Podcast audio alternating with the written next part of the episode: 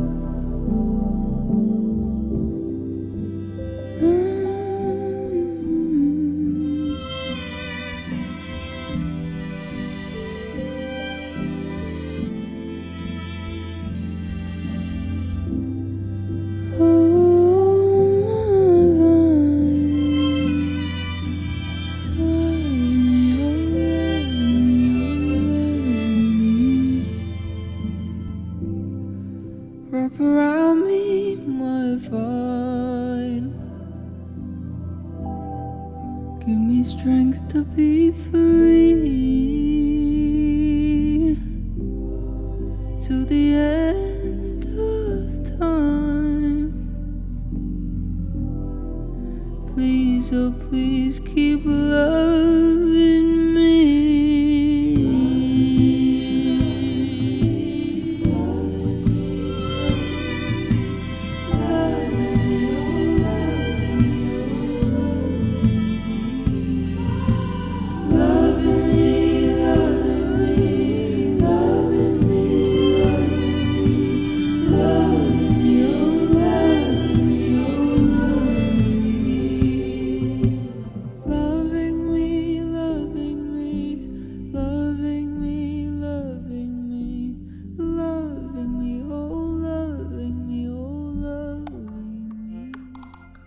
novo saletanje. Čuli smo pesmu sa naslovne strane novog saletanja Was You Project i Veja Project i My Wine. Sledi tema emisije.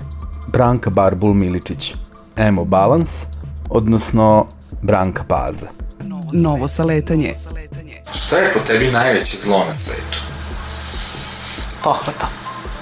Pohlepa je, mislim, zaista najveće zlo. Vidimo je na svakom koraku. Mm, nepotrebno je imati milijarde, milijarde, milijarde. To je nepotrebno zapravo za opstanak i, i dobrobit jednog ljudskog bića. To nije neophodno. Uopšte. Mnoge druge stvari su nam važnije, ali ta pohlepa razvara svet. Ogleda se u svim ratovima, ogleda se u rušenju, u rušenju civilizacija. Mi se ne pričamo o rušenju samo jednog grada, mi pričamo o rušenju civilizacije. Istorija posledica. Tako je. To, to, ne, to nam ne bude na pamet, da stvari pohlepa izaziva posledicu. Nevrovatne posledice. Hvala puno Branka. O temi emisije čuli smo i od retrospektive, tako da želim dobrodošlicu i gostima emisije.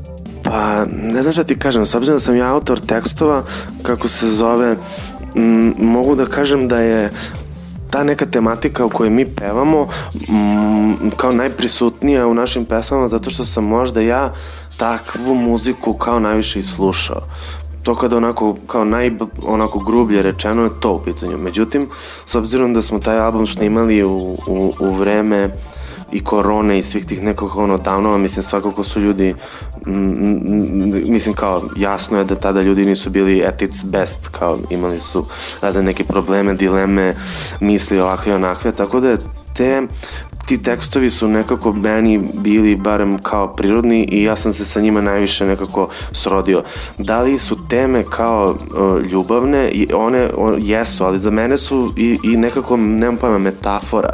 Rekao si da preovladava kraj s Bogom, jeste, takav je utisak, ali, na primjer, ja kada slušam naše pesme i kada, na primjer, se bavim time, kao šta je pisac teo da kaže, u, u dosta tih pesama koje se čine da je to kao kraj s Bogom, ćao, vidimo se, ovo nije kraj to, ovo zapravo nekako priča nije završena, priča je nedorečena.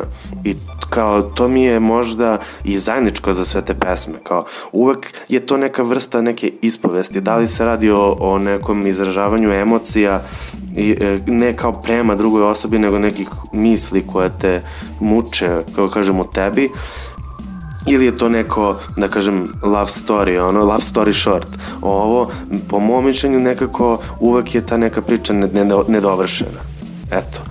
A što se tiče teme emisije o najveće zlo na svetu, pa ne znam, mislim da smo sad kao to, kad smo izašli iz korone, kad smo krenuli da se bavimo o svetom oko sebe, o, ukapirali da je možda to neka tema ko, o kojoj bi smo mogli nešto da pričamo. Tako da naša pesma, na primer, na Andrinom albumu Bežimo odavde, ovog što smo mi retrospektiva i Andrija, na albumu Krug, govori, uh, neki bi rekli da je politička, ja ne bi, mislim ja sam kao pisao tekst i nije bila ta namera, više je bila namera da se nekako da, je, da izrazimo kao, ta smo, Andrija smo zajedno zapravo pisali te tekste, bila je ideja kao ajde da ispričamo kako mi u kontekstu kao ono naše svakodnevnice i realnosti u kojoj živimo vidimo nas kao našu generaciju, znaš kao među nama niko nema milosti, svi su čudni, stoje kao kipovi, to je ta neki utisak jednostavno. Čujem da ljudi kažu zbogom Ne mogu da čutim ja pred tobom Izgovaraš ružne reči, ali mene to ne dotiče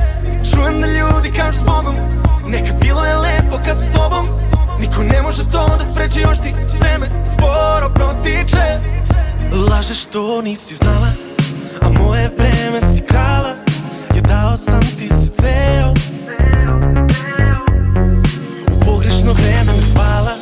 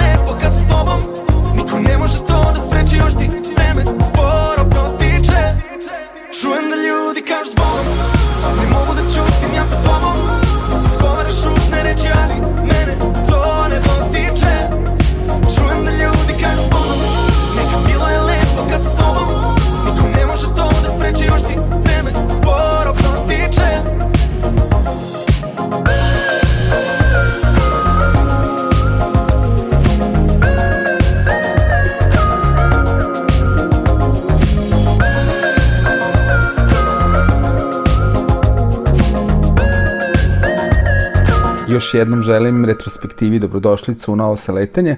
Kupili ste me još pesmom Čujem da ljudi kažu zbogom. A šta je bilo pre?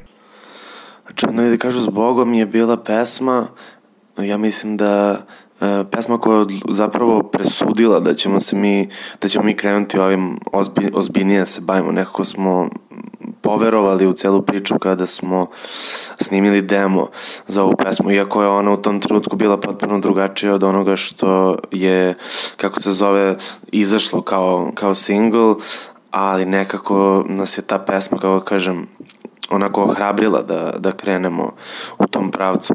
Pre toga mi smo, mislim da smo se sva trojica bavili muzikom na ovaj ili onaj način od detinjstva, mislim bili smo upućeni na neke instrumente, na dobre bendove, na koncerte, svi smo iz takvih nekih okruženja, a kada smo krenuli da učimo to da li sami, da li po nekim školama ili tako nešto, kako se zove, od tada smo krenuli da svirkamo, pravimo nešto, komponujemo, smišljamo, budemo kreativni sa drugarima u različitim, kako da kažem, nekim postavama, bendovima, ono što je kao zajedničko nama i kao našem nekom uh, radu i bavljanju muzikom pre retrospektive jesu ti neki cover bendovi sa kojima smo nastupali po kafićima, klubovima, ta neka tezga priča, ono, kako se to, kako se to popularno kaže sve do, eto, do, mislim, faktički do čujem da ljudi kažu zbogom, međutim, bilo je nekih pesama i pre, to je, pre te, kako se zove, što se tiče imena benda, Mislim, ne mogu tačno da se setim, to je bilo potpuno spontano, imali smo kao baš ozbiljan problem sa time da skontamo kako ćemo se zvati, hteli smo kao da budemo, naravno koji svi verovatno kad smišljaju, kao da budemo, prvo, prvo je počelo toga da budemo kao ultra cool, da smislimo nešto što je kao ubica ime, e, do toga da kao ajde da budemo neka fora, da, bu, da nešto kao bude zabavno, međutim zašto nam je muzika bila poprilično pop, onda smo kao bukvalno batalili smišljanje imena, bili smo u fazonu kao je, ono kako, kako da se nazovemo, nemamo pojma, nema veze, ajde kao idemo, radimo dalje, pa će se možda neka pesma izroditi, možda će se kroz neku pesmu, možda ćemo kroz neku pesmu skontati. I onda smo sedeli u studiju jednom i pričali o kao idejama za spot. Tada smo imali, tada smo radili na jednoj pesmi koju nismo izbacili na, na prvom albumu, a verovatno nećemo ni izbacivati nikada. Ovo, ona se zvala Palimo na more. I kao, ajde, nemamo ime, nemamo ovo, nemamo ono, ali ajde mi da kao tripujemo kakav spot može da nam bude za tu pesmu. Ono, kao, uh, budžet je nula dinara, uh, snimamo telefonima, mi smo ono glavni glumci, glumice i sve što treba. I onda smo kao uh, neke ideje, kako se zove, skupili i na kraju došli do toga kao da bi bilo cool za tu pesmu da snimimo ono tokom leta da snimamo telefonima i da video zapravo bude retrospektiva leta kao u jednoj reči kako da sumiramo ideju za taj video kao retrospektiva leta. I e, to je ostalo kako se zove tu smo negde onako, to nam je zazvu, to je meni zazvučalo poprilično kao dobro i onda je to bio radni naziv benda poprilično dugo I kada smo krenuli to, kada smo to podelili zapravo sa ljudima, pošto smo mi kao ono, ajde, nećemo još da pričamo, možda ćemo se setiti nečeg boljeg, ovo, kada smo podelili to sa ljudima, uglavnom su reakcije bile super, međutim je dosta ljudi rekao da je to predugačko, kao zamislite samo kao da treba da napravite plakat, kao retrospektiva leta, kao ima milion slova, zauzima pre, previše mesta i onda su nam rekli kao samo lose the leto, kao ostavite retrospektiva i to će biti kako se zove, to će biti to. Tako da, tako, tako smo mi odlučili kako ćemo se zvati. Da li je to, kako kažem, ne, možda podsvesno imalo veze sa time kako smo mi muziku pravili ili kako smo muziku hteli da pravimo, možda da, ali nekako, u svakom slučaju složilo nam se, kao mi smo bili to je to, kliknulo je ovo. E sad kao da li da sam naziv treba da, da asocira kako se zove nešto da daje neku naznaku kakva je ta muzika. Ja mislim da što se tiče prvog albuma i nekih pesama sa prvog albuma definitivno da.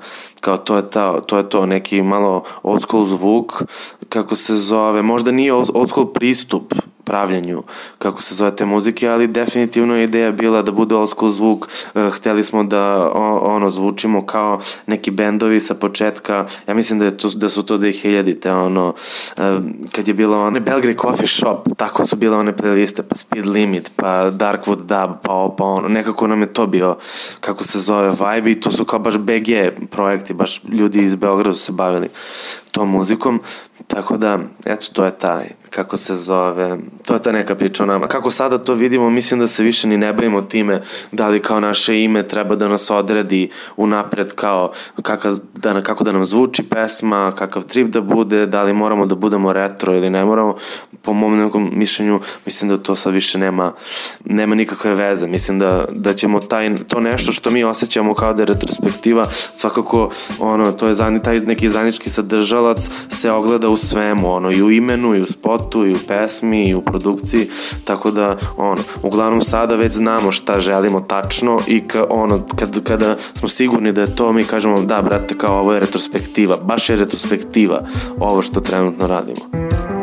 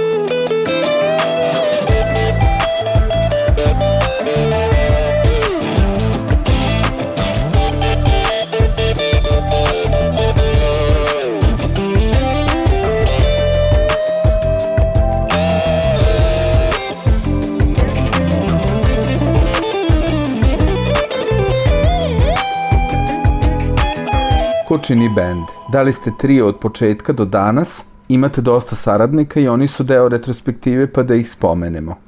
Retrospektiva smo uh, Dule, Luka i ja, kako se zove i faktički to tako jeste od početka, s tim što smo, ajde da kažem, u trenutku kada smo se mi okupljali kao neka ekipa, Uh, bili su tu i, e, kako se zove, Aleksa, zapravo taj naš moj dobar drugar i naravno drugar svih nas. Ovo, Dule i Luka su radili u studiju, pravili neke pesme, džemovali, kako se zove, to ja sam se njima priključio. Tako da faktički kad je ta neka ideja se rodila, bilo nas je četvorica. U nekom trenutku kada smo mi rešili o, da, kako se zove, se uozbiljimo, onda je kao, ovaj je imao ove planove, ovaj imao one planove, nekako smo se odlučili, sklopili, spojili i na kraju smo ostali nas trojica. Međutim, kada smo ono, mi odmakli sa tim pravljenjem pesama i ne znam, tako nekim i poslovnim i ovakvim umetničkim idejama, tu su počeli da se pojavljaju raz, razne ljudi. To jest nisu se oni pojavljivali, nego smo ih mi, kako se zove, zvali. S obzirom da ja radim sa Borisom Krstajićem, producentom, već, nemam pojma, ono, 10 godina, na primjer, e, na raznim nekim projektima, ovo, on je bio osoba koju smo kontaktirali kao pošto on producent muzički, jedan od možda i najboljih naših producenta, kao odneli smo taj materijal njemu i bili smo u fazonu kao šta ti misliš o ovome. I u tom trenutku, od tog trenutka pa neki period nadalje, mi smo zapravo dobili jedan ono, svojevrstan master class od Borisa kako se zapravo kao producira pesma, kako se pristupa pravljanju albuma, kako se pristupa ome, kako se pristupa onome, kako kak šta može da nam olakša proces, neke ono čak i da kažem ono i veštine i znanje zanatske, ono zanatske vrste smo dobili od njega. Tako da je on jedan od prvih ljudi s kojima smo počeli da radimo i on nam je pomogao oko čujem da ljudi kažu zbogom baš dosta.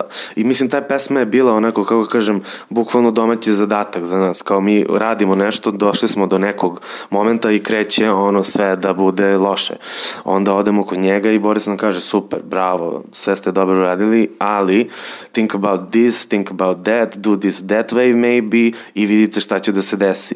I tako vidite šta će da se desi nas je dovelo do toga da smo snimili album manje više, tako da eto, od njega bih izdvojio kako se zove prvog, jer nam je stvarno dosta pomogao i na kraju krajeva Boris Jovanović i Boris Krstajić su nam uradili mastering uh, za ceo album i naravno popravili su nam mikseve, pošto mi smo, jel te, home production još uvek, tako da nema što da bude baš, baš onako upeglano. Tu su bili, kako se zove, Luna Škopelja, kako mislim da nju svi znaju, ne moramo mnogo da pričamo o njoj, ona je sa nama isto o, od starta, je Luna se znamo isto jako dugo, još smo zajedno u, u školu muzičku, imali smo neke zajedničke bendove i kao, bukvalno sam od uvek teo da imam neki duet sa njom, tako da kako se zove, sam je zvao ono, da kao Luna idemo, snimamo duet, to će da izađe na našem albumu, pa, pa imamo čak i pesmu, ajde dođi da čuješ. Ona je pristala, Ana Patolipac, s kojom sarađujemo i dalje, i, i dalje je zovemo da nam peva bekove, kako se zove kad god možemo, ona je počela i nekom svom projektu, tako da smo mi tu malo uključeni u te kreativne procese njene, tu je Gagi Heinrich na gitari bio, nekoliko pesama je odsvirao na albumu, e, da li nekoga zaboravljam. Ana, Luna, Gagi, dobro, And, Andriju kao namerno ne pomenjem i dalje zato što je to nekako preraslo u, u dugoročnu i kako se zove, mnogo veću saradnju od samo toga da je neko, kako kažem, učestvovao u tom našem procesu stvaranja albuma. Što se tiče drugih stvari, kao sarađivali smo na tom prvom izdanju, za čujem da ljudi kažu s Bogom, na tom EP izdanju sa Fantomom, sa Pocket Palmom, Sevdahom i Gramofonđijom, ali to je bila, mislim kao nama je to bilo baš, baš cool ideja, ali to to je ideja došla je od strane Nikole iz Kontre, kako se zove, sada je Universal Music, ali tada je on vodio Kontru i to je onako nama bilo taj uopšte način razmišljanja kako možeš da kao se probiješ, dođeš do publike, uradiš nešto zanimljivo, da te ljudi čuju. Tako da dobro, sad ekipa iz Kontre, Marko, kako se zove i cela, mislim ono, Kontra, kao naš label, sa njima sarađujemo puno, kako se zove, Andrija i dalje tu sa nama, Sonju Dendo bih pomenuo, ona je, ona je, nije, kako se zove, muzičarka, nije na toj strani, kako se zove, scene, ona je behind the scenes i pomaže nam u jako puno stvari koje se tiču i marketinga i kako se zove organizacije raznih događaja, snimanja ovoga i onoga. Da to bi bilo to.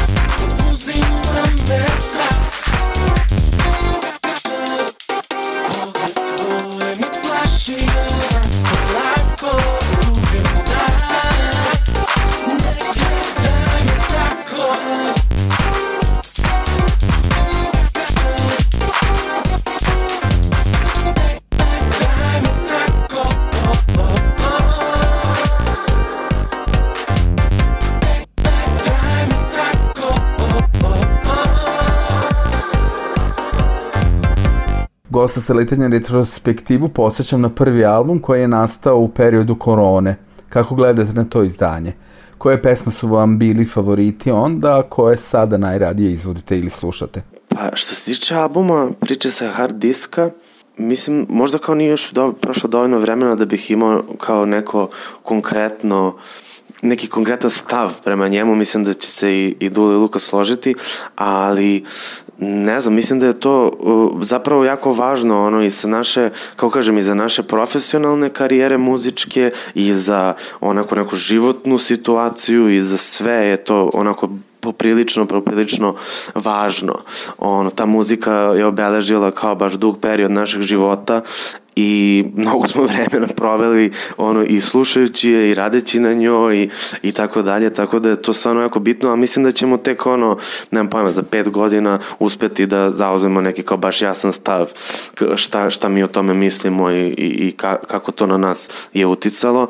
Što se tiče toga da smo mi taj album pravili za vreme korone, jesmo, I uh, moram da priznam da je to bilo možda ono highlight tog perioda, bukvalno. Mislim, ko sedli smo u kući, nismo mogli ni da se sastajemo čak, što nam je u tom trenutku jako otežalo, jer smo mi bukvalno ono kad je krenuli, kad su krenuli oni lockdownom i to, mi smo bili u zaletu najveće. Bukvalno smo mislili, ok, treba nam još par meseci da sve to finiširamo kao gotovi smo i bum, kreće korona.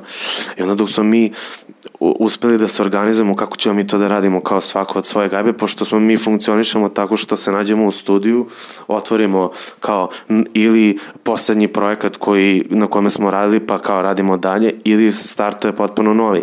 I nas trojica funkcionišemo kako se zove kao jedan, bukvalno. Niko tu nije producent, autor kao tekstova sam ja uglavnom ali sve radimo zajedno, bukvalno ceo proces, ono, svi prolaze kroz sve i tako smo nekako naučili i tako nam je nekako najlakše i uvek e, nekako najbrže da dođemo do toga ono što sam pomenuo kao šta je zapravo retrospektiva tako se dobija taj retrospektiva, da kažem, proizvod.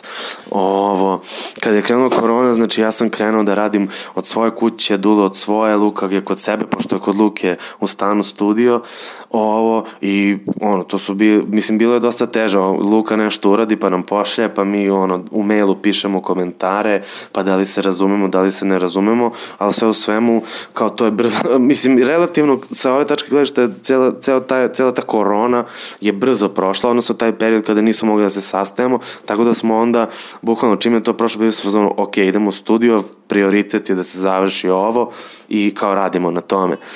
Što se tiče favorita, Pa ne znam, on, meni će zauvek sigurno biti zašto ćutiš favorit sa tog albuma, zato što je to bila prva pesma koju smo Luka ja napravili i e, kao nije bilo kao sa Johnny da koš zbogom da smo tada kao ono poverovali u celu priču, a smo bili vrlo, vrlo srećni, baš se sećam toga. Tako da je ona i dalje i nju, ja, ja barem volim najviše da je pevam na nastupima, e, dosta ljudi zapravo, ona je kao neki underdog našeg albuma, kao e, dosta ljudi zapravo zna i oni koji su kao preslušavali album i slušali ga, onako kao fanovi, su se dosta za nju, kao kažem, zalepili. A sada kao ono što, što je zapravo najzabavnije izvoditi jesu te pesme, ono, čujem da ljudi kažu s Bogom, e, ovo nije kraj i te neke, kako kaže, modernije, brže, brže stvari, zato što kao publika brže reaguje, pa je samim tim i atmosfera i nama, a i, i njima, kako bih rekao.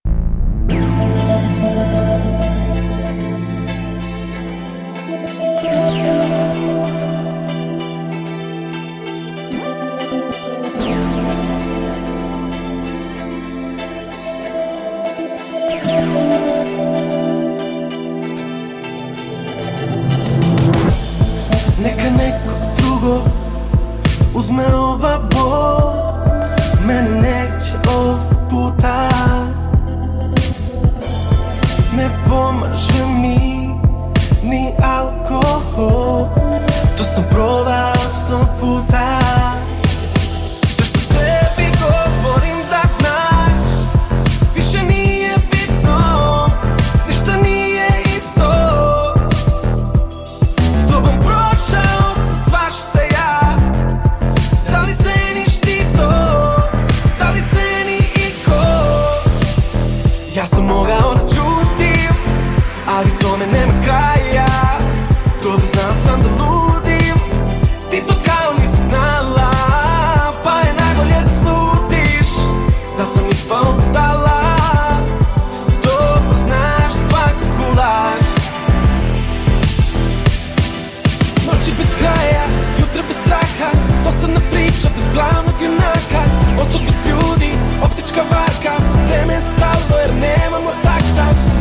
kraja, jutra bez straha Dosadna priča bez glavnog junaka.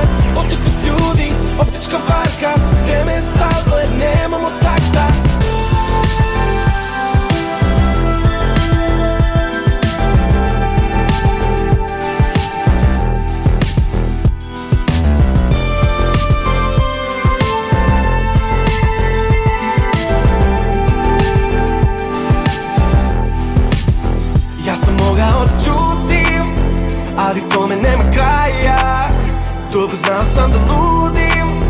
ti to kao nisi znala Pa je najbolje da slutiš, da sam ispao budala Dobro znaš svaku laž.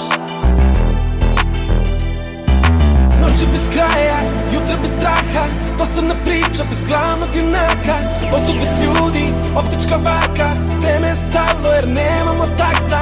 Noći bez kraja, jutra bez straha Dosadna priča bez glavnog junaka.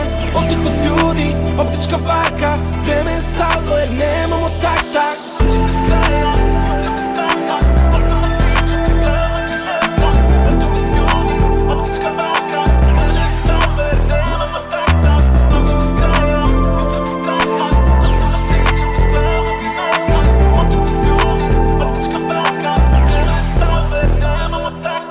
Novo saletanje. Raniji gost sa letenja Ana Dr. uveo nas je u talente i kreativnost fenomenalnog kića iz retrospektive. Šta znate o tome i o glasu koji se širi o novom beogradskom guru koji povezuje umetnike, potvrđujući novu beogradsku muzičku platformu? Da, da, slušao sam emisiju, kako se zove, u kojoj je gostovao, Andrija i čuo sam da me pomenuo dosta puta. O, da li je zasluženo, ne zasluženo, nisam siguran, ali u svakom slučaju, ta kao, uh, mislim, uh, ce, ce, cela ta moja energija koja je usmerena na to da se mi nešto povežemo, da mi nešto zajedno radimo, da probamo da, kako kažem, e, stvorimo nešto novo u, na, ne, na muzičkom nebu, što bi se, kako se zove, reklo na estradi, ovo dolazi od trenutka kada sam ja zapravo otkrio tu novu scenu. Kao ja sam, u, nemam pojma, ono, slušao sam uglavnom stranu muziku, domaću muziku sam kao volao to što sam volao, bendove koje sam volao, to sam pratio, slušao, odlazio na koncerte, ali nisam istraživao i nisam uopšte znao koje mediji prenose, koje radio stanice puštaju i tako dalje i tako dalje, dok nisam na YouTube-u naišao na Pocket Palmu. O, baš se sećam tog momenta. I to je bio toliko weird moment za mene, zato što mi kao bukvalno ništa nije bilo jasno. Kao čekaj, ovi ljudi prave muziku koju sam ja navikao da slušam na engleskom, mislim kao taj neki vibe na kao domaćem, odnosno hrvatskom, srpskom, kako god, šta god, ovo ne mogu da verujem kao ko su ovi ljudi. I onda kao, onda sam krenuo njih da slušam i da ih slušam i onda je krenuo da mi izlazi jedan po jedan novi artist. I kao bukvalno sam bio oduševljen tom činjenicom. U tom nekom istom trenutku smo mi krenuli da radimo, tako da mi je to bilo još kao uzbudljivije. E, e sad kao ta neka moja, da kažem, uloga u, u, u tome o čemu ste vi pričali se ono zapravo kako da kažem ostvarila kad je Andrija došao i kad mi je pustio njegov materijal. Kao meni to bilo potpuno ludo potpuno mi je bilo kao novo sveže do sada ne, mislim kao ne neviđeno nikad viđeno nikad čuto. Ima super ljudi super muzičara različitih projekata ali nekako je bilo to je taj trenutak kako da kažem. I kad, kad mi je govorio o tome da je kao njegova ideja da se to nešto na engleskom otpeva, imao je tu neku drugaricu vajda sa, sa faksa s kojom je radio, i rekao čoveče, mislim kao ovde si, šta, mislim što bi kao radio na engleskom, ako, kao, ako ćeš da izdaš, nemam pojma, u engleskoj, u nemačkoj, u amo, namo, kao cool, ako imaš šemu, to je to, ali ako ćeš ovde da izdaš na, englesko, na engleskom, kao nema smisla, mislim ne slušati niko ovde muziku na engleskom kao, mislim kao uh, uh, ovaj regionalni ili domaći artist koji pravi na engleskom to uglavnom teško prolazi. I onda je on bio u fazonu kao, pošto mislim on voli kao ceni zapravo dobre pevače i kao bio u fazonu pa da li kao ko to da peva.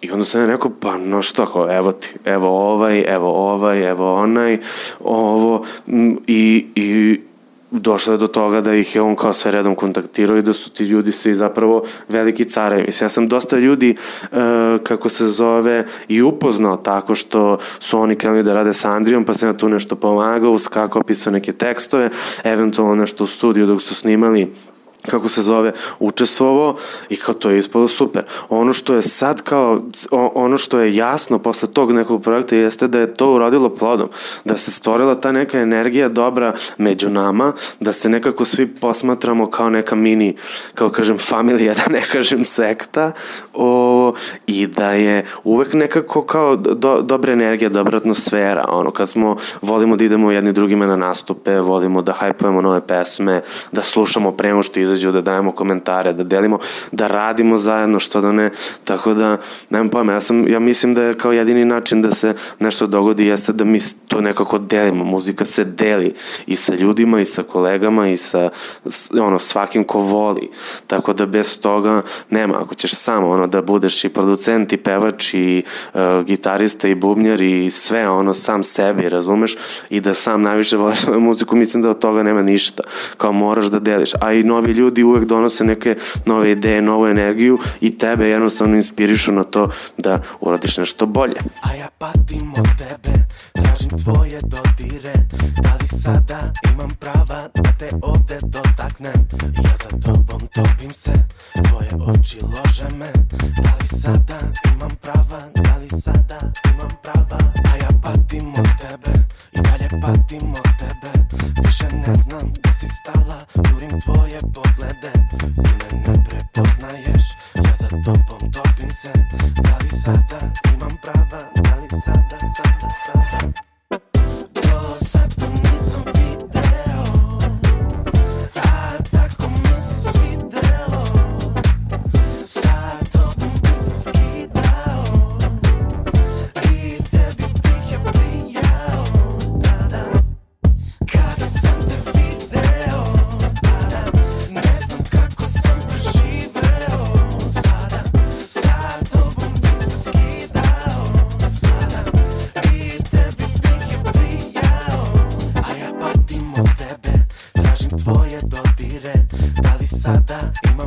Da te ovde dotaknem. Ja za tobom topim se Tvoje oči lože me. Da li sada imam prava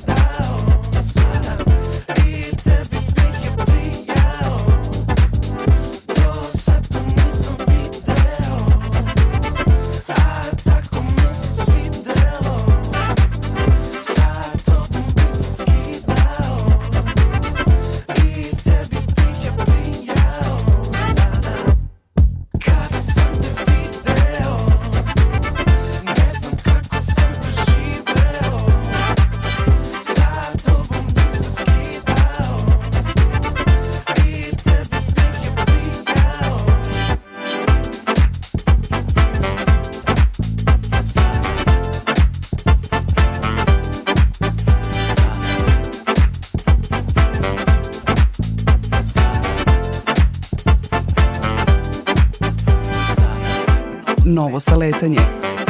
Skoro su počele da se pojavljuju nove pesme, kako za druge autore, tako i vaše. Pa ja mislim da kod nas uvek ima nove muzike. Ono, mislim, kao, evo, tvrdim, jer jeste tako. Mislim, kad god, e, kako se zove, mi imamo slobodno vremena, koristimo ga da napravimo neku novu pesmu, da započnemo neku ideju, da se nešto startuje što će nam kao biti, kako kažem, projekat, posao za dalje. Tako da mi uvek imamo pesme koje stoje, koje čekaju svoj trenutak i tako dalje. Pišemo za, mislim, volimo da radimo sa ljudima, tako da ponekada se desi i da, ne, da neko dođe i traži nešto za sebe, da li su to tekstovi, da li su to melodije, da li su to aranžmani, da li radimo zajedno, da li radimo odvojeno, da li, nemam pojma, kao, jednostavno ne odbijamo priliku da se bavimo muzikom kako se zove. Što se tiče naših novih pesama, mi smo sada izbacili e, dve, dva nova singla, Deo i Svi su čudni. Snimili smo i spot za Deo, ako niste pogledajte na našem you, YouTube kanalu i nemam pojma, mislim da smo mi bar negde u glavi svoj rešili da tim pesama i kao svime što planiramo da uradimo kako se zove, otvorimo neko novo poglavlje, da eto damo, da možda kako se zove, spremimo neki novi zvuk, da donesemo nešto novo i još uvek radimo na tome.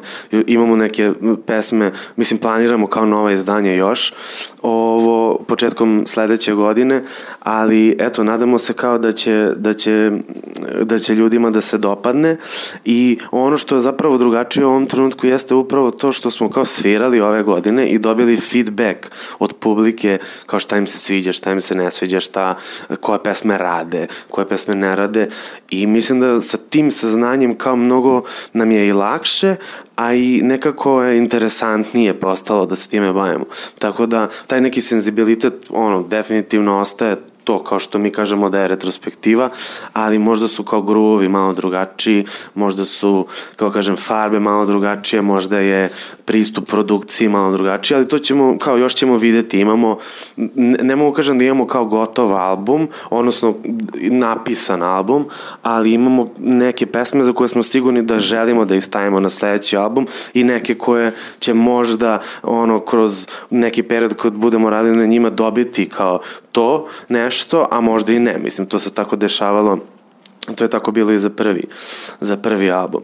Tako da vidjet ćemo, nemamo još nikakve ideje konkretne u smislu kao bit će u maju 2023. septembru, oktobru. Mislim da će biti, ono, mi, mi bismo volili zapravo što pre da to bude, ali želimo da budemo kao ono potpuno zadovoljni tim materijalom koji spremamo i želimo da možda kao smislimo nešto zanimljivo i novo u plasmanu toga. Tako dok ne budemo imali tu, kako se zove, baš kao dobru ideju koja nam se sviđa i koja nam je legla i koju nam kao potvrde i Sonja i ekipa iz Kontre i Andrija, mislim da do tada nećemo ništa obećavati. Krenuli smo, spremamo još dve pesme, vidjet ćemo da li će to biti neki duet u sledećem tom krugu izvlačenja, da li neće, svako koga planiramo, nećemo još otkrivati sa kim, ali eto, vidjet ćete. Zašto ćutiš? Reci bilo šta, jednu lepu reč Da se bolje osjećam, zašto tišinu hraniš? Jeza opseda, ja u ovoj drami. Više nisam ja, želim da Čujem tvoj glas, želim još jednom da osetim Tvog pogled strast, ja želim da Čujem tvoj glas Želim još jednom da osetim Kako je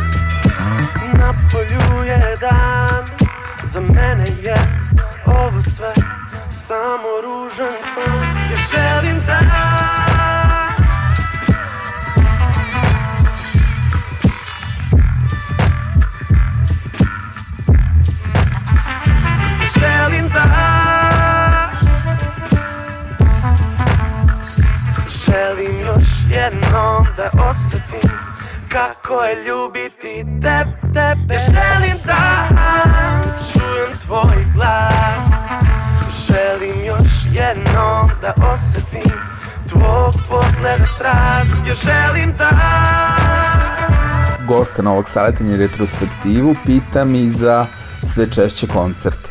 Koji su im planovi i kuda za doček? Pa smo svirali ove, ove godine i vrlo smo, kako se zove, srećni i zadovoljni zbog toga.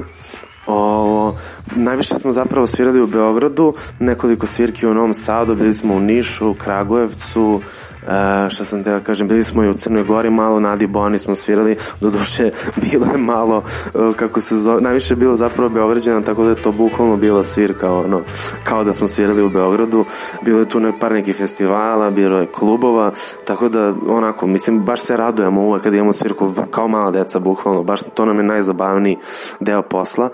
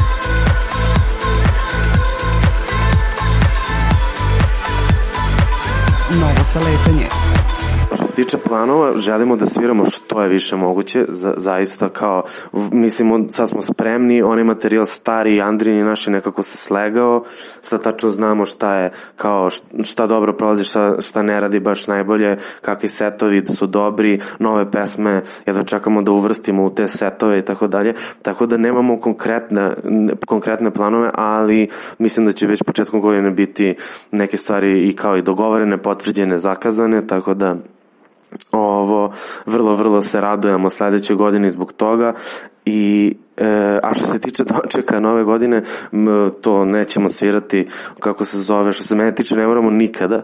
Ovo zato što mi tu deluje nekako prenaporno ne znam zašto ali kao i generalno žurke za novu godinu i ceo taj hype mi je malo onako stran. Nikada čak nikad sam bio klinac nije me to uopšte radilo. Tako da ove godine ne znam šta ćemo za novu godinu. E, svirati nećemo a sad da li ćemo se nešto kako se zove organizovati da partijamo? Čak i to mislim da ne zato što smo prilično umorni umorni od cele ove godine i od svih poslova kojim se bavimo, tako da mislim da će to biti neka ono comfort food i par pića varijanta i krevet.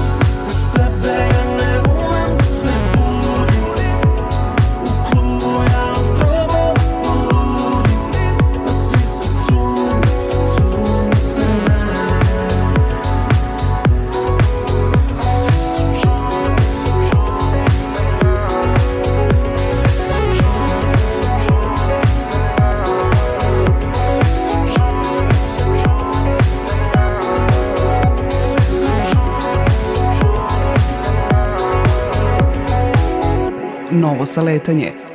Imamo novu pesmu koju izlazi, koja nije baš, kako se zove, izlazi 30. decembra e, i naziv nije baš pogodan da se kaže za javnost. Ovo, ona isto govori um, o, o, na, istu temu zapravo je pesma, na sličnu temu i isto je neka kritika samih sebe, nekako kao svoj, svojih ljudi, svoje ekipe. Tako da mislim da teme zapravo nisu odabrane kao ono, neš, kao sad mi, mi smo respektive i mi pevamo ljubavne pesme. Ne, kao pevaćemo razne pesme, ali kada uzmeš taj vibe kao te harme, kada uzmeš te zvukove, kada uzmeš tu energiju koju, m, kako kažem, ono, nose i te melodije, ovo, nekako dođeš do toga da to najbolje leže. Kao probali smo mi svašta i da budemo malo urbaniji, da budemo malo manje urbani nego što jesmo i nekako je ovo neka zlatna sredina. Kao taj ja to zamišljam kao neki MTV pop ono tematiku. Ovo, I ono što volim je, e, e, da kao, da zapravo ja mislim, da volim da mislim da je tako, da smo ostavili prostora da to svako nekako razume, kao nisu te priče ni toliko kako sam, to sam negde rekao, ne mogu se setim gde, nisu te priče u potpunosti iskrene koje smo mi ispričali, one su možda e, dobra kao slika e, neke, nekog emotivnog stanja, nekog psihičkog stanja kao naratora u tom trenutku pica, ali ne, nisu one kao sve se desile, nisu se one sve rekle, čule i tako dalje. Ej, bolje Ako nemaš dobru volju Neće ni da prođe Stići na malo kasnije pre Ne idemo nigde Ako ne rušimo sistem Lomit će se which can never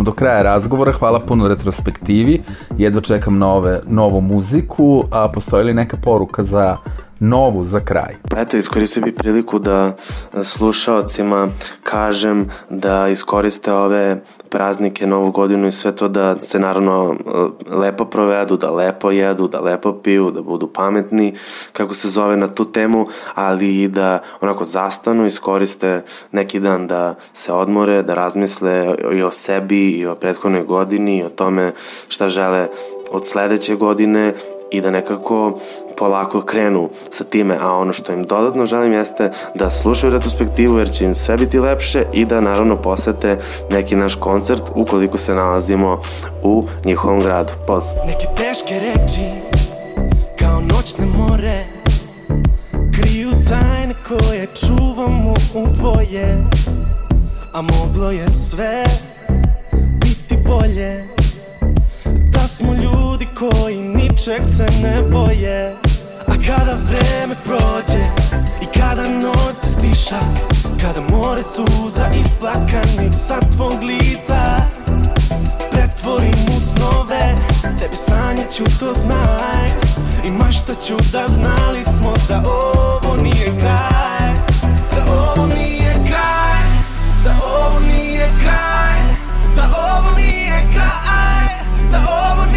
kraj Da Da ovo nije kraj Da ovo nije kraj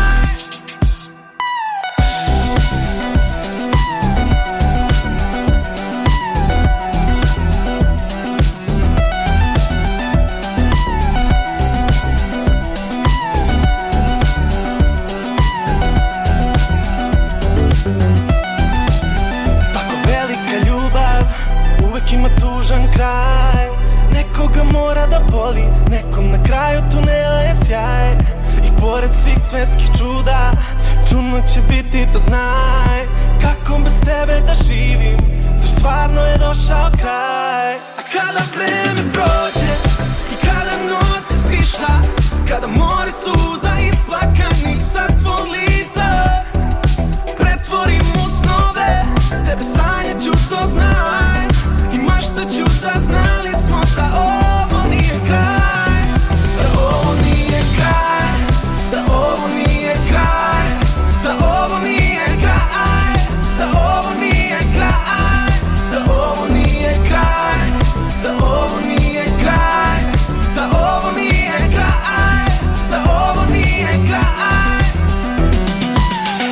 Novo saletanje Čuli smo retrospektivu, hvala još jednom.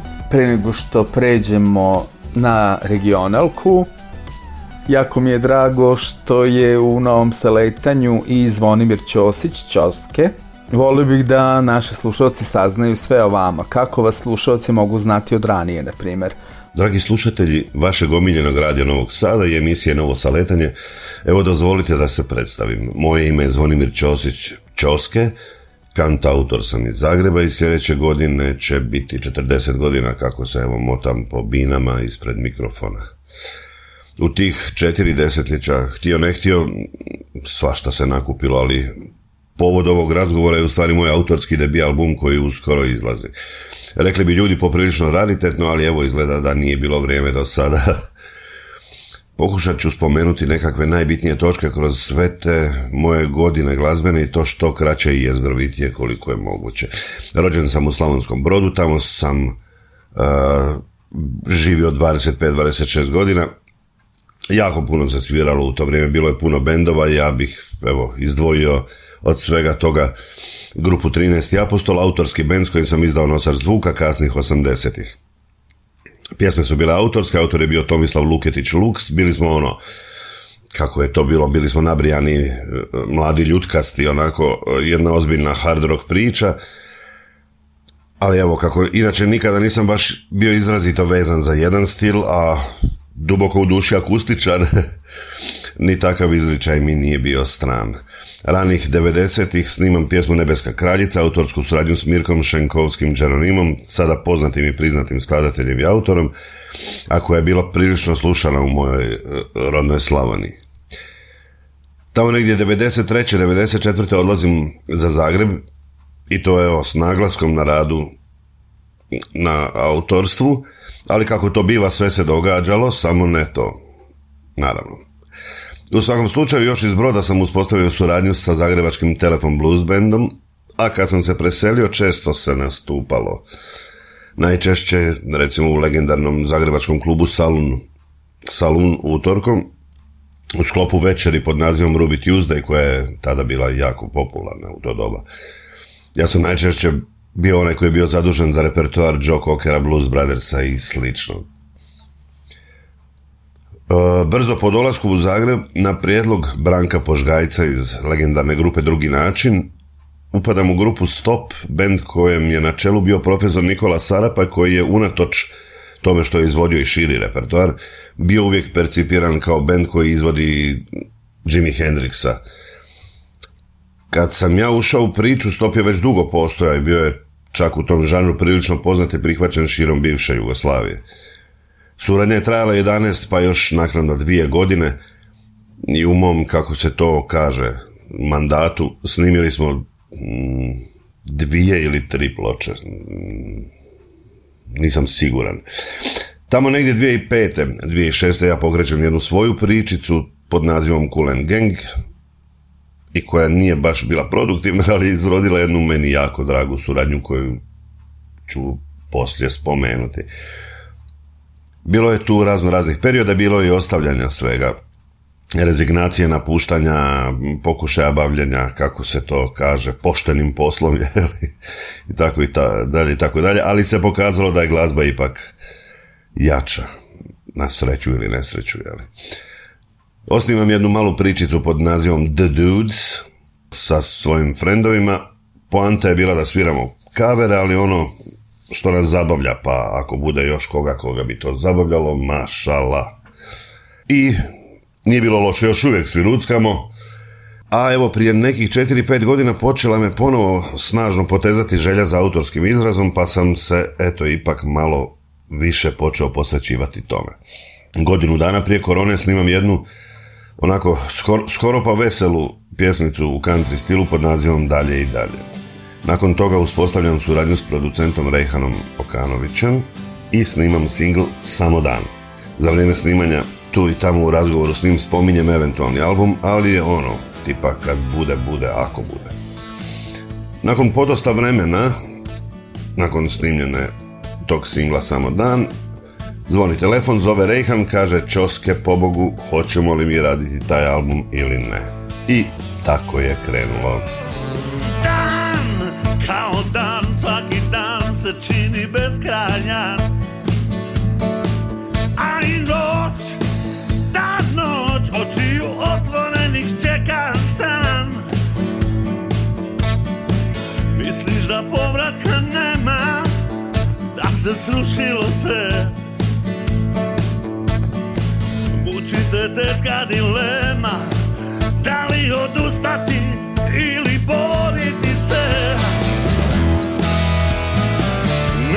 Ne možeš uvijek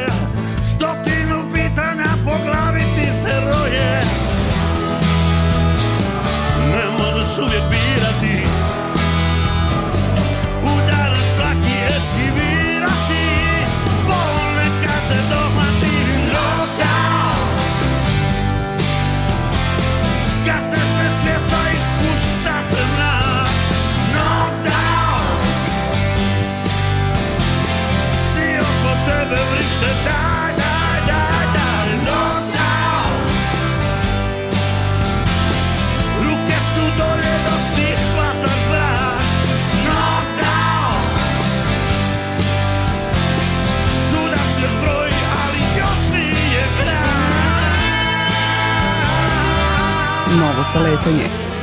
Tri numere su trenutno aktualne, pa da krenemo od dve koje nisu saradnja. Jednu smo već čuli.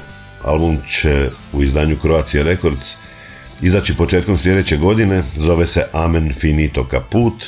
To je naime stih iz jedne od pjesama. Pjesama ima osam, šest ih je moj, mojih autorskih, jedna je od mog dragog, mladog, talentiranog frenda Mahira Kapetanovića Makija, a jedna od moje drage brođanke poljskog porijekla, koju vi već poznajete putem vaše top liste i njenih pjesama, Darije Tamare Rat, umjetničkog imena Adari. Naime, obzirom da su se pjesme taložile desetljećima pred mojim čarobnjakom zvuka Rejhanom, bio je prilično nezahvalan zadatak kako to sve uskladiti. Ja sam zaista iznimno zadovoljan rezultatom, baš sam zadovoljan. Pitaju me frendovi na što to liči u cijelini.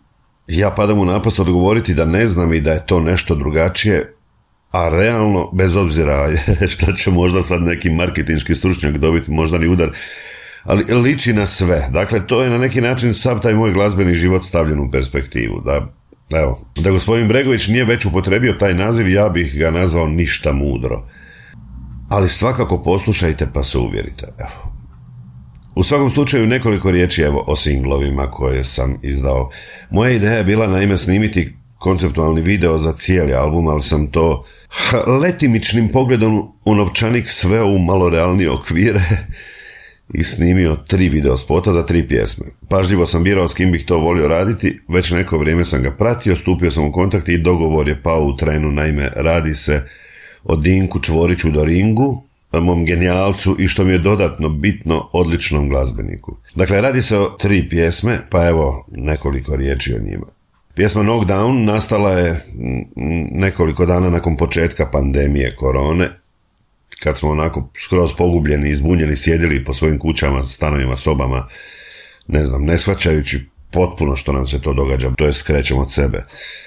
Nije se teško sjetiti tog razdoblja i onako te količine beznađa, a pjesma je samo iscurila, pa evo.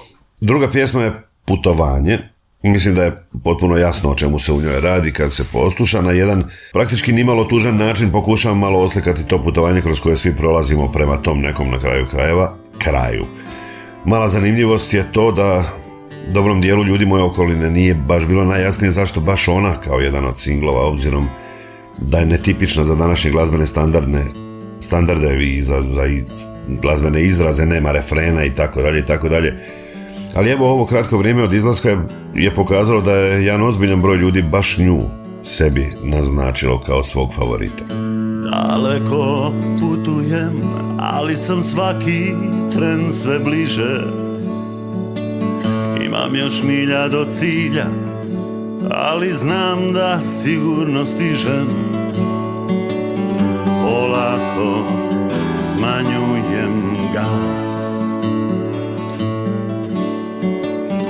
Uživam, pjevam na glas.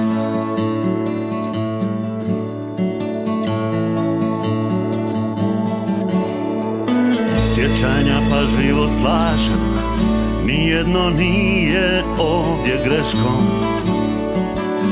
Svakog dijela puta Ja rado sjetim se sa smješkom Promiču slike obzorja A meni još nije do sna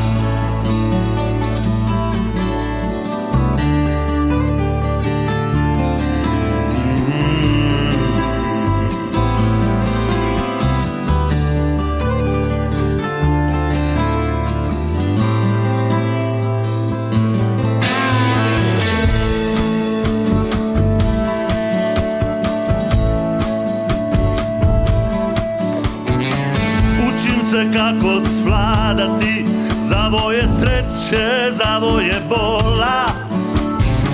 I dobro znam da svaka Rupa na cesti mi je škola. Tragovi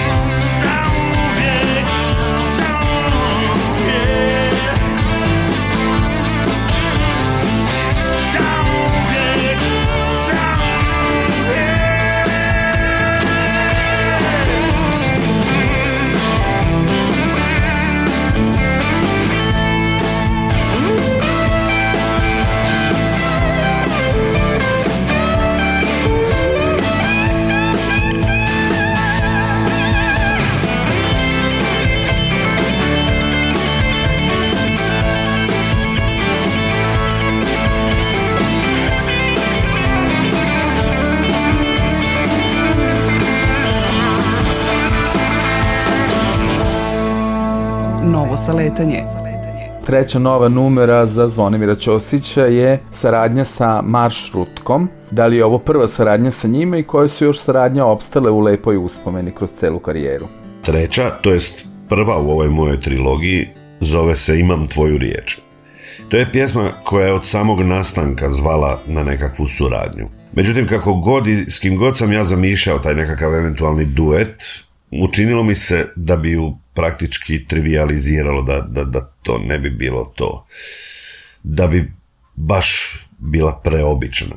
U jednom trenu mi padaju na pamet moje tri jako drage mlade frendice prekrasnih glasova, trio maršrutka. I evo, od tog trenutka pa u nekoliko sljedećih trenutaka sve se slaže na svoje mjesto, ono kao baš kao pazle. Naime, radi se o tri djevojke Lindi Jurković, Eni Bašić i Meliti Dražinić, koje su sve tri rusologinje i koje su svoj dio u pjesmi otpjevale na ruskom. E sad počinje zanimljivi dio, mi završavamo snimanje, počinje cijeli ovaj svjetski kuršlus koji još uvijek traje. Šta sad s pjesmom? Hoće li neko vrtiti, neće li ju vrtiti? Da li bacam pjesmu u vjetar? Ona mi je na neki način onako, meni osobno noseća pjesma cijele priče. Pjesma je izrazito ljubavna, potpuno apolitična i tako. Morao sam u nekom trenutku presjeći i reći da ostaje tako kako je, idemo dalje. Tu sam imao i podršku diskografske kuće i evo, do sada je pokazalo da je pjesma najvrčenija od sve tri. Naravno, ja si umišljam da je zbog mene, ali budimo realni, zbog cura je, naravno. Spomenuo bih još neke suradnje koje će mi ostati u najljepšem sjećanju kroz život. Nije ih bilo previše, ali evo kronološki prvo bih spomenuo suradnju s mojim dragim prerano preminulim i nikada prežaljenim Krešom Blaževićem, alfom i omegom grupe animatori. Naime, tamo negdje 2006. snimio sam njegovu pjesmu Dok ležim cijeli dan u sjeni i pozvao ga kao gosta u njegovu rođenu pjesmu. Jel? Snimili smo i video spot i to će mi zaista ostati strašno draga uspomena za uvijek. Druga draga suradnja, jako drago, je iz puno bliže 2020. godine. Dakle, već spomenuta moja draga frendica Adari pozvala me kao gosta u svoju pjesmu 10 Minutes. Snimali smo to u Slavonskom brodu i audio i video. Zanimljivost je te pjesme da je dobila, ona je dobila svoj međunarodni život i to zaista iznad svih očekivanja, bar mojih. Kako je Adari naime Poljakinja, to sam već spomenuo, jako puno poljskih radiostanica je zavr- zavrtilo pjesmu i to onako prilično bjesomučno, a čak i najveće poljske radiostanice u Britaniji koje su dobacivali puno šire od Britanije. To je ono bio stvarno gušta, evo bili smo na prvom mjestu top liste neko vrijeme, onako simpa moment je bio uh, Adari featuring Čoske 10 minutes na prvom mjestu, uh, Bruno Mars na drugom, tako da možemo vječno se tim hvaliti. I evo, što se suradnje tiče, ova aktualna suradnja s mojim maršutkicama koju bih volio da poslušate svakako. Za kraj naravno me zanimaju planovi šta dalje. Dakle, kako je moja situacija ipak nekako specifična, obzirom na i moju dob, na staž, na anonimnost i tako dalje i tako dalje, plan je pokušati pronaći način da ljudi nekako poslušaju to što sam napravio i to što radim. Što je danas onako u, u, u zagušenju glazbenom možda i najteže. A na godinu kada album ugleda svjetlo znana, plan mi je naravno svirati ga live. Gdje god budem u prilici, kako god budem u prilici, to je, evo, to je vrlo jednostavan plan.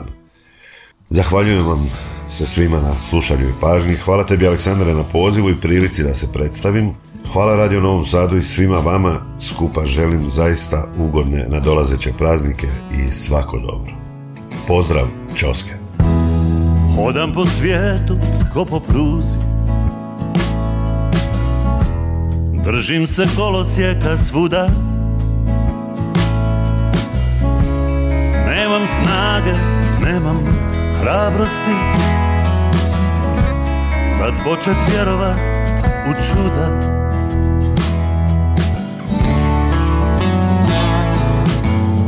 Čuvam se snova bez pokrića. Ma ne vjerujem baš ni sreći. Vjerujem onom što čutim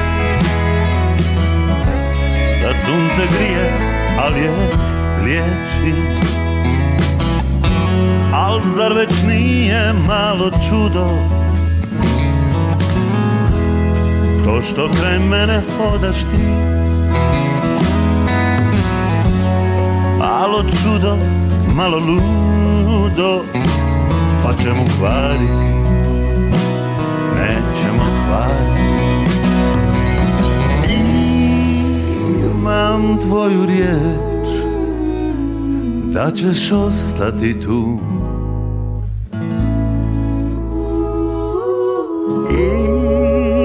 Imam tvoju riječ Ne brinem Vjerujem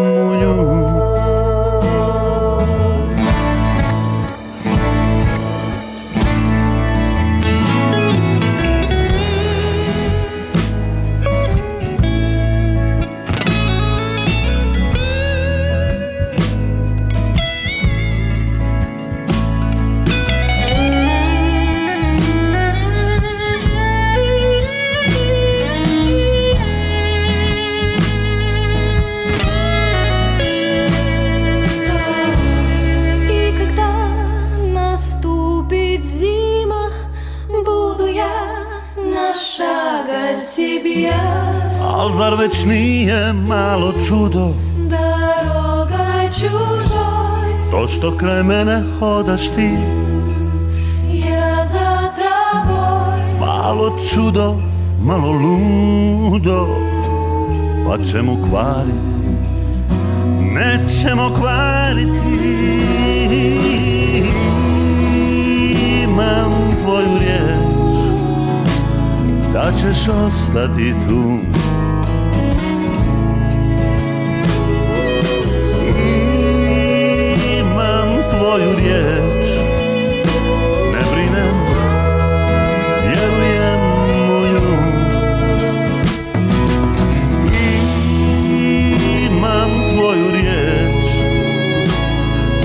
ćeš ostati tu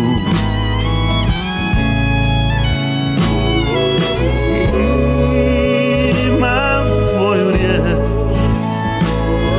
I ne brinem Ja vjerujem u nju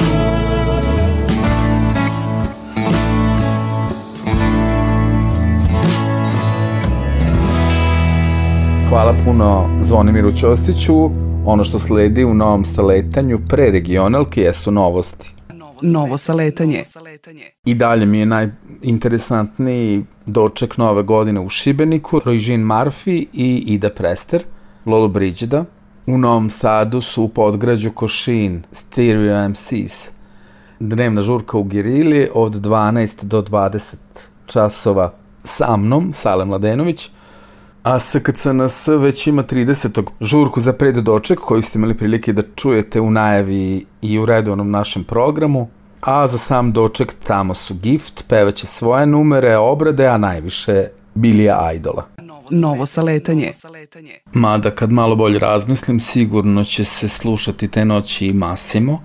Redovni slušalci našeg noćnog programa imali su prilike da slušaju juče u čuvaru noći eto jednu pomalo setnu emisiju gde smo se podsjetili oni koji su nas napustili, Laće, Masima, Terry Hola, Toma Bela, Martina Dafija i drugih, tako da emisiju posvećujemo naravno svima onima koji nam nedostaju. A i samo nedostajanje bit će ponovo izgleda tema nekog od budućih saletanja. Sledeće nedelje započinjemo retrospektivu 2022. godine, a sada započinjemo ovo nedeljnu regionalku. Novo saletanje. Mix Alex Mix. Autor i voditelj Aleksandar Sale Mladenović. Vreme je za regionalku. Mesto broj 1. Prvo mesto regionalke Enš, jezero.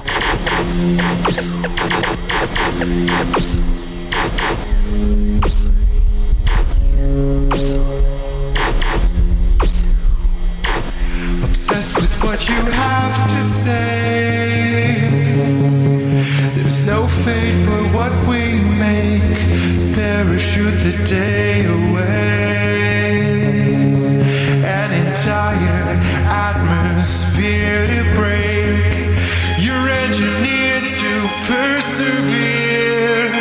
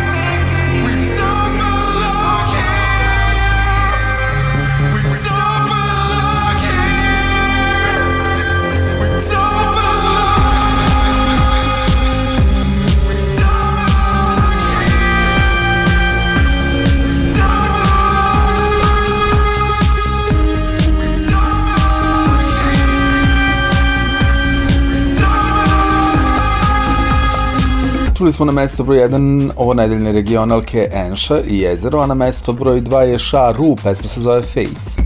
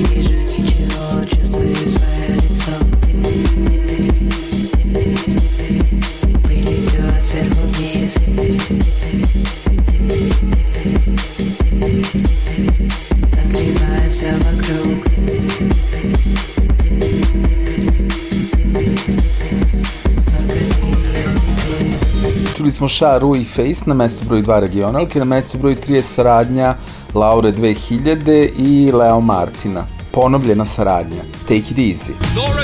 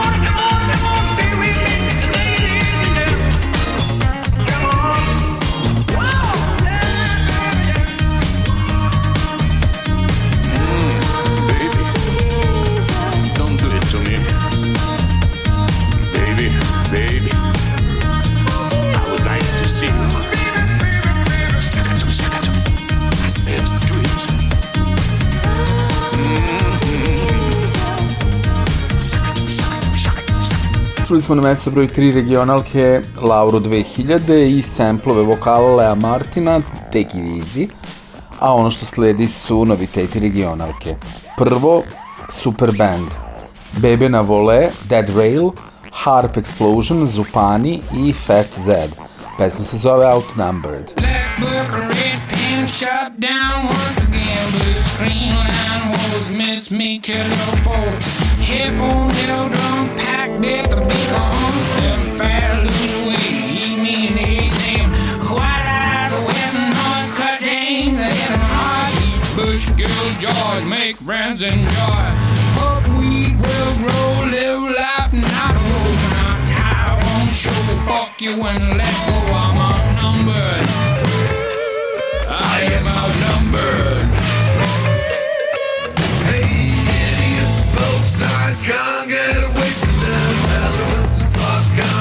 You back again. Screaming different revelations in your head. Light up a cigarette, pretending I'm dead. Head start fakes and asses in the glass. Last smoky, cause all just a figure past. Blades hold me glued so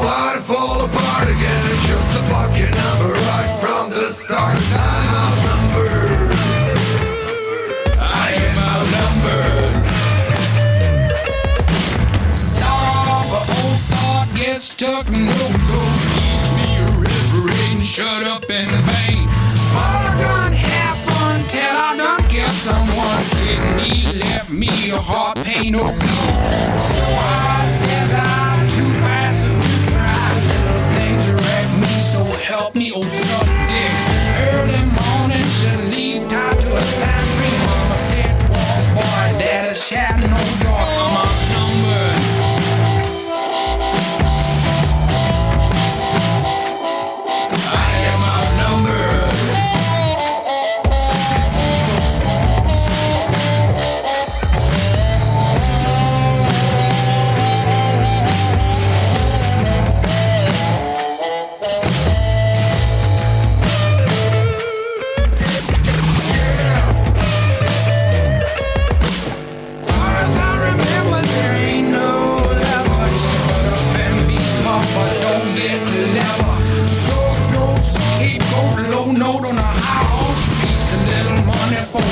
motherfucking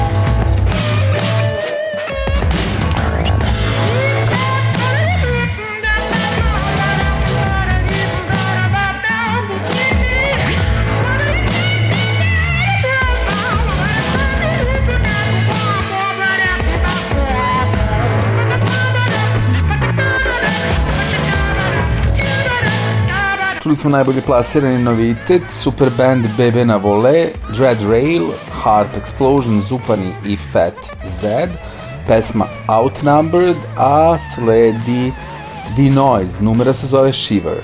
In a grotesque place. The key of essence, luminescence, my senses. Blindfolded, I cannot see. Resemblance between you and me. My mornings are the same as yours. Sometimes they love you, sometimes they don't. Mistakes I have done, I will never commit. Cause it might end and start a new feeling. Imaginary face in the world of my dreams. Undefined silhouette on top of the hill. Is anybody screaming? Is anybody screaming? Across the mountain, across the river, I'll be there. When you start to shiver.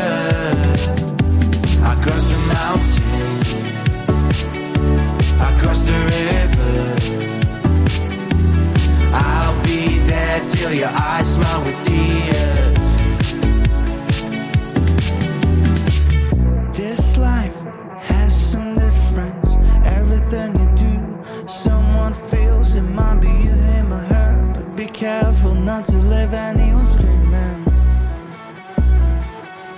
Is anybody screaming?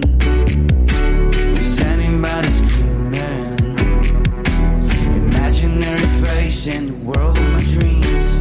I'm the fun silhouette on top of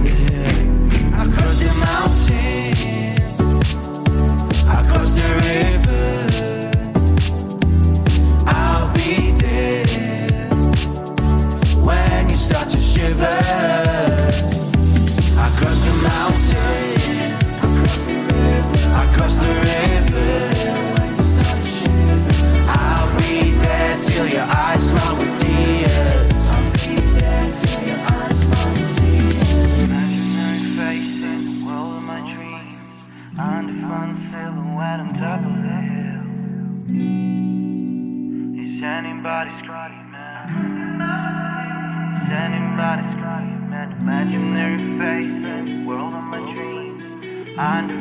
Silhouette on top of the hill. Is anybody screaming? Is anybody screaming across the mountains? Is anybody screaming across the river? Is anybody screaming? I'll be there. Is anybody screaming when you start to shiver? Across the mountain, across the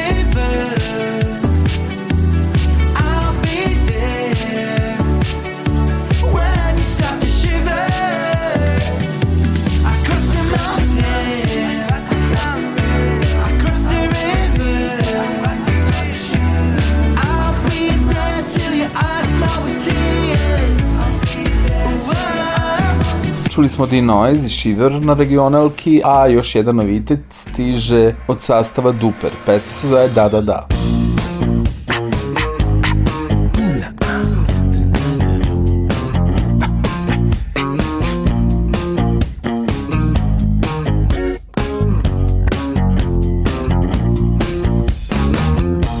Kod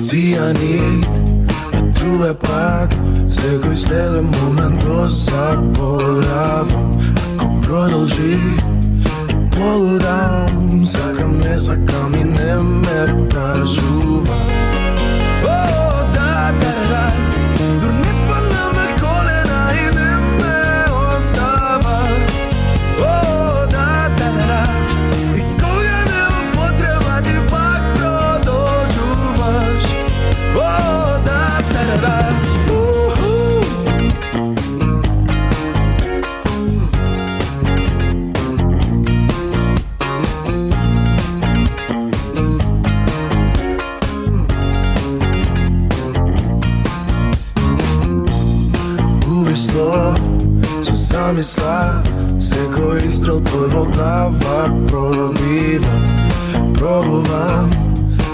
odbijam vek je kasno ne za da se odkažem O, da, da, da Durni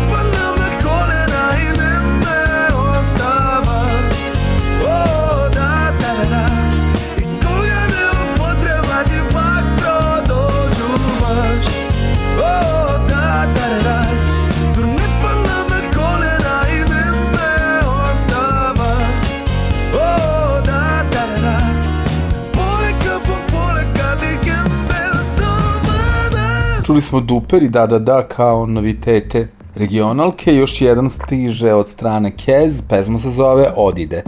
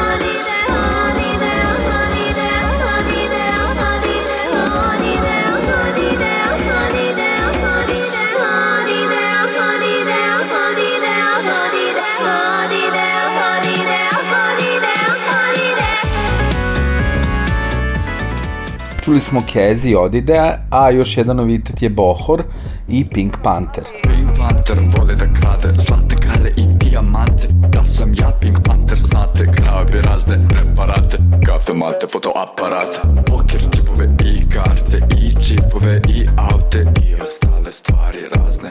Ko ne bi volio da krade Ko kaže da je laže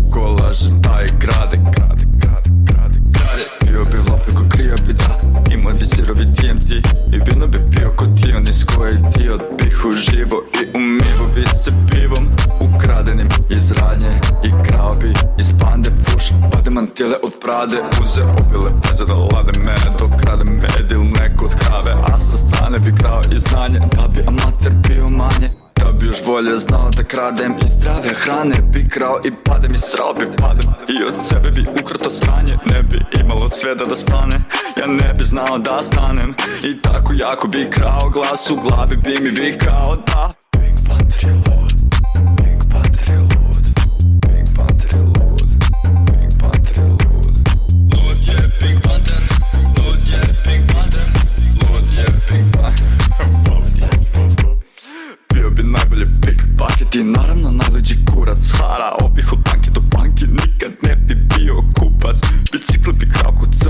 I Vespa ko zatocan Hrvat. I Vespu bi uzeo od Naravno penziju ukro bi babama Kao da zovu me Alek. Ne bi imalo svegda da stane. I tako jako bi krao Glas u glavi bi mi vikao da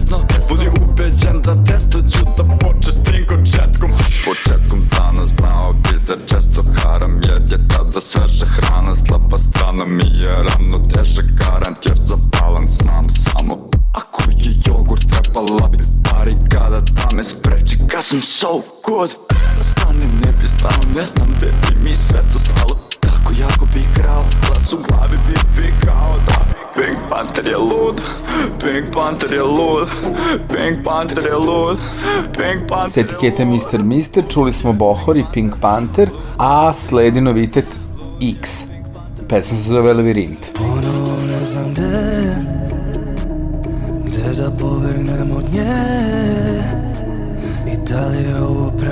smer Da li sam pronađen ili izgubljen Čuli smo X i Lavirint kao novitet, a još jedan pripada Ili Rudmanu, Ursa Major. Thank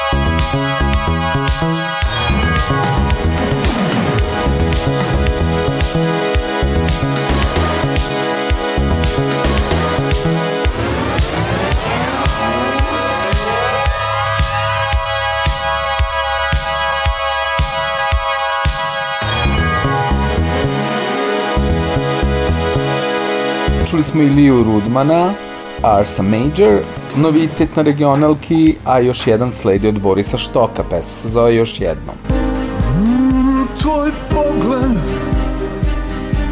ne govori ništa. Ko da ostali smo gledat se bez riječi. Ti dugi prsti prolaze kroz kosu. Mm, Samo šutimo i čitamo si misli. Mm, Ako zagrliš me još jednom. I ne puštam te iz ruku. To je najmanje što mogu. Zauvijek smo jedno I kad oči te ne vide Da osjetim te u sebe Ostani Čuli smo Borisa Štoka i još jednom, a Tijena Dapčević je sa Aleksandrom Sedlarom obradila Nisam tvoj. Što se trudiš i sebe mučiš Čuvaj se, ostavi me. Ja nisam tvoj, ja nisam tvoj. Mene mesto ne drži Urazumi se Čuli smo Tijenu Dapčević, Aleksandar Sedlar, Nisam tvoj, a novite stiže od Johna Morrowa, koji je poznatiji možda i kao Benjamin Novosel, saradnji sa Patrikom Lovrekom je The Downing. Down at shore, please hear my call that comes from far away. What you hear, Čuli smo Johna Morrowa, Downing na regionalki, a sledi još malo engleskog. Petar Z, Teta Tet, saradnja sa Rani Krija. I don't play games of love and hate. It's not the way I was raised. It's the politician's way to gain respect. Words often don't come easy. So we complicate, hesitate, overthink, calculate. Sending letters to compensate the lack of understanding. Words become demanding, and the time is fading away. We can solve the problems only that I did. We can make things right